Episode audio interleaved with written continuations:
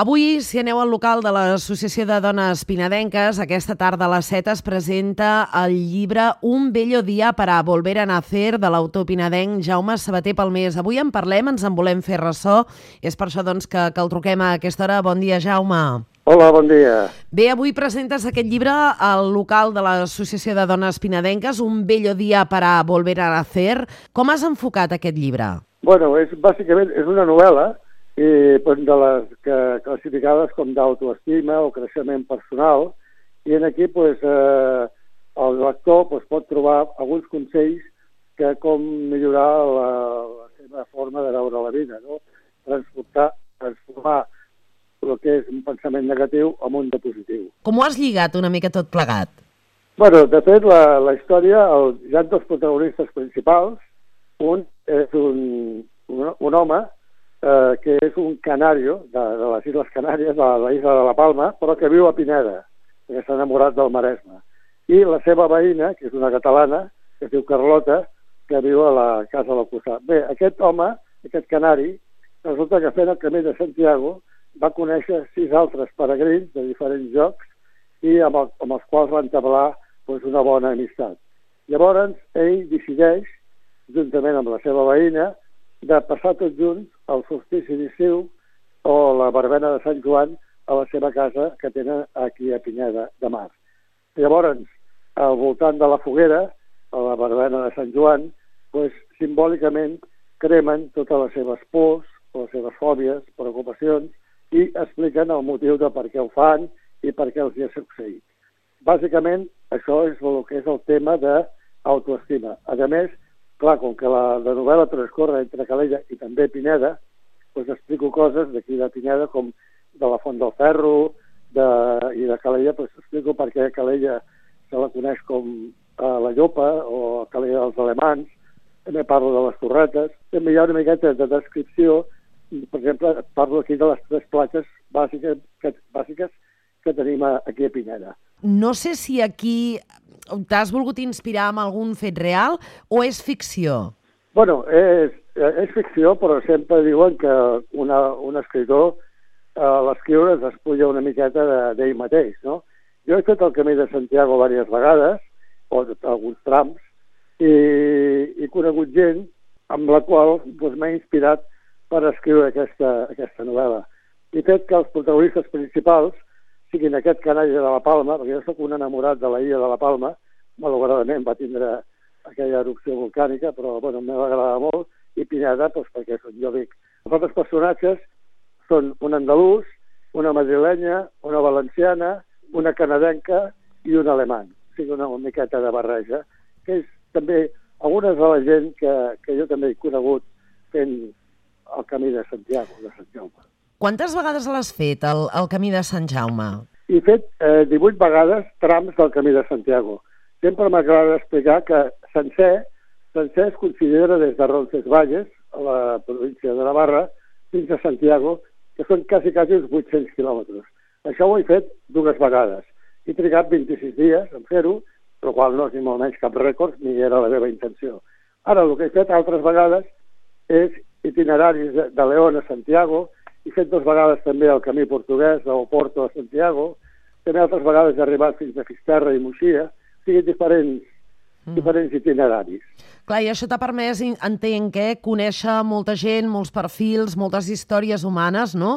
I d'altra banda, el que comentaves, no? aquest llibre de, de creixement personal, perquè els protagonistes han, parlaran, de fet, i han de resoldre eh, pors, fòbies, preocupacions, com ara què?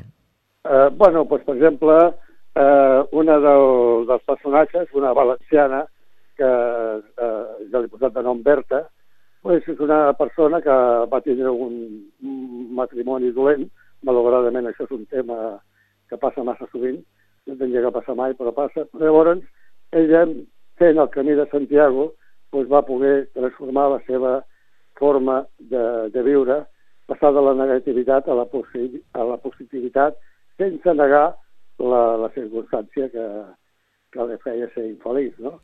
Mm, aquest és un dels, dels, dels personatges. Un altre, l'andalús, que li posat de nom Pedro, és una persona pues, que sempre té por a prendre decisions i també ja explica pues, que, ell vol transformar aquesta forma de ser. Inclús, clar, és que tampoc vull espatllar la novel·la, però aquest, aquest andalús diu que se'n vol anar a Chicago a descobrir si Walt Disney era en realitat andalús. Això és una història que potser molta gent no la sap, però que diuen que el Walt Disney eh, podria ser d'origen andalús. Però això és una altra història, però ell explica, aquest Pedro, que com té molta por, eh, tot i així se'n va a Chicago sense parlar anglès, en ple hivern, que fa un fred peles en aquest país, en aquesta ciutat, per tratar de descobrir alguna sobre la vida de Walt Disney. És a dir, tots expliquen les seves pors, les seves coses, mm. i, i així. I la, la catalana, la, la Carlota, que es diu, pues, és una persona que pateix el que jo anomeno dependència emocional.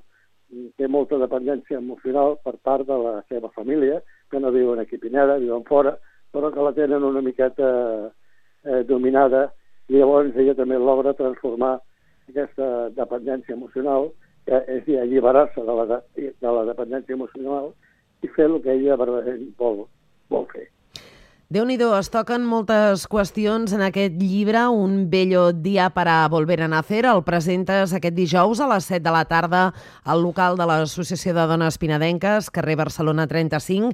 Eh, Jaume, com serà una mica la presentació del llibre? Què vols explicar en aquesta presentació?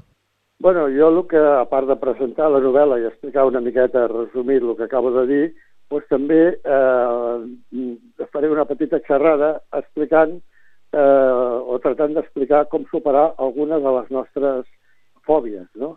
I, clar, amb una mitja hora o tres quarts que pot durar una presentació no hi ha temps per, per, per diguéssim, transformar les coses, però sí per tenir una idea.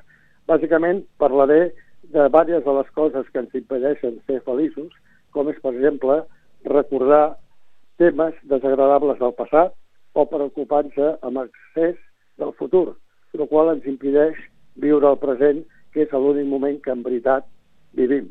L'únic moment de la vida que estem vivint és ara, l'aquí i ara, que diuen.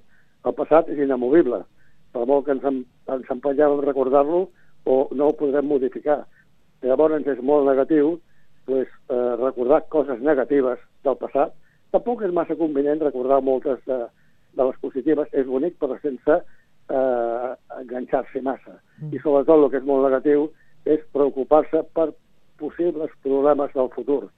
Aquí jo penso explicar una anècdota que em va passar a mi personalment que en, en, en una ocasió i que eh, des d'aleshores no em preocupo, no, no és que no em preocupi pel futur, eh, penso que quan arribi aquell moment ja veuré com, com l'afronto, però no preocupar-me dos o tres mesos abans de que passi el que em va passar en aquell moment que explicaré a la, a la xerrada.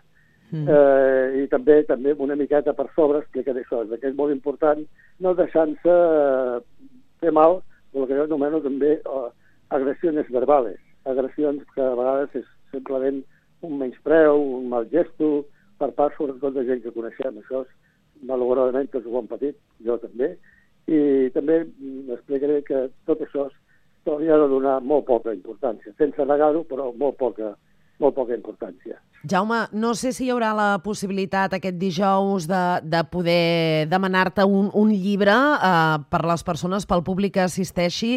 També et preguntaré on, on el podem trobar, aquest llibre físic, eh, per comprar-lo, per tenir-lo, però no sé si a la presentació també hi haurà, hi haurà l'oportunitat de, de poder-te'l comprar, que el signis, etc. Sí, de fet, l'única forma de poder-lo comprar és eh, comprar-me a mi directament. Bueno, la meva dona m'acompanya i llavors m'ajuda, el llibre, per cert, val 10 euros només, o sigui que no és, no és un gran dispenyi, no és una, una enciclopèdia. O sigui, l'únic, jo els llibres aquests sempre els venc així en presentacions, en xerrades uh mhm. -huh. eh, i aquest tipus de coses. Llavors, si algú té interès en, en comprar-la, doncs, bueno, que vinguin i a part també m'escoltaran el que, el que tinc que dir. Jaume, doncs t'agraïm moltíssim que ens hagis atès aquest matí. Jaume Sabater presenta aquest dijous el llibre un bello dia para volver a nacer. Moltíssimes gràcies, molta sort, molts èxits, Jaume. No, moltes gràcies a vosaltres per, per donar pues, publicitat en aquest acte. I a mi això m'ajuda molt i, i moralment també em va... De fet, jo encara que escrigui novel·les d'autoestima i que doni xerrades, sempre dic que no tinc cap vareta màgica, no sóc feliç les 24 hores del dia ni els 365 dies de l'any. O sigui, coses com aquestes, aquest moment present, que estic gaudint del, de la vostra entrevista doncs és el que, és el que compta, és el que, el que fa feliç. Gràcies, Jaume, que, que vagi molt bé. Vale, adéu-siau.